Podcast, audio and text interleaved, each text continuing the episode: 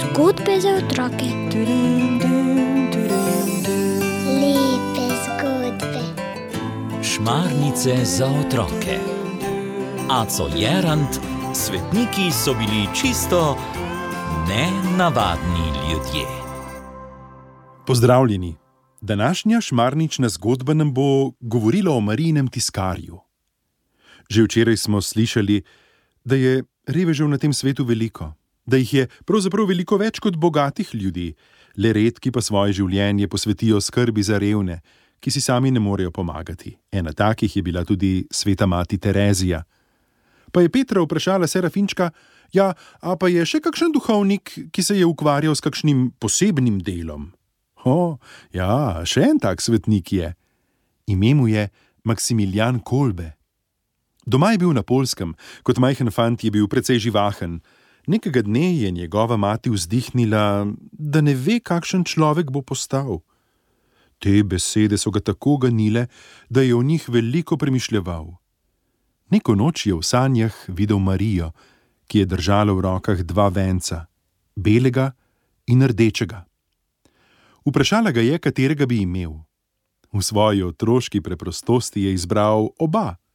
Seveda, takrat še ni vedel, kaj to pomeni.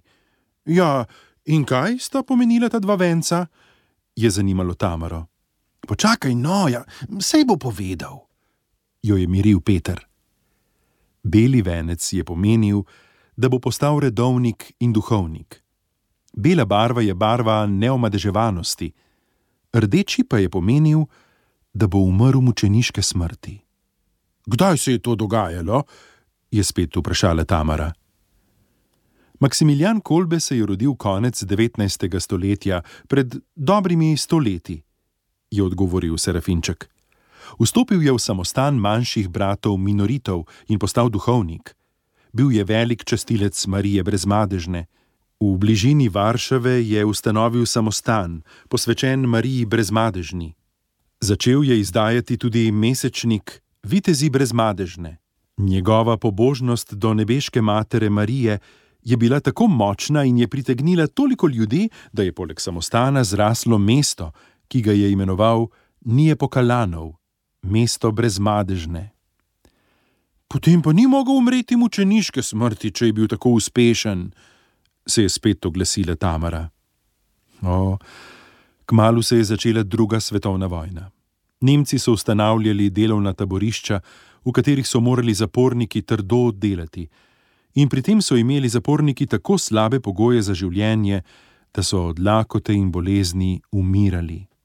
To so bila taborišča, ki so bila namenjena uničevanju vseh ljudi, še posebej judov. V takih taboriščih je bilo tudi veliko duhovnikov. Nekega dne so prišli po Maksimiljana Kolbeja, odpeljali so ga in ga zaprli v takšno taborišče. To taborišče se je imenovalo Auschwitz. V njem je med vojno umrlo ali bilo ubitih na tisoče ljudi vseh starosti, poklicev, različnih narodnosti. Pa ni mogel nihče pobegniti iz takega taborišča, se je čudila Tamara. Mnogi so skušali pobegniti, in včasih je komu tudi uspelo. Tako se je zgodilo, da je nekega dne pobegnil zapornik, ki ga niso uspeli ujeti. Nemški vojaki so imeli za take pobege strašno kazen. Izbrali so deset zapornikov in jih zaprli v bunker lakote.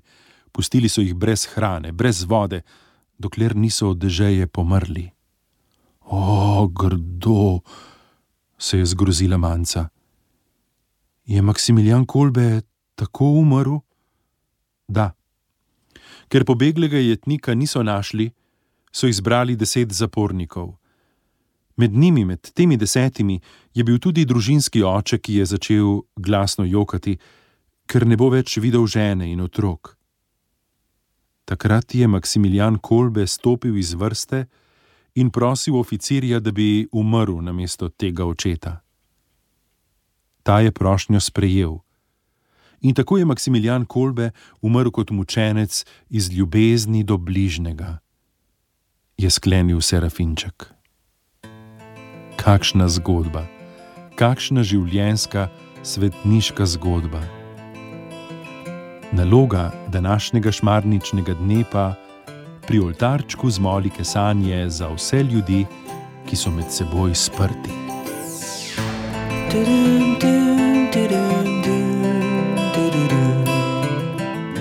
Zgodbe za otroke. Lepe zgodbe.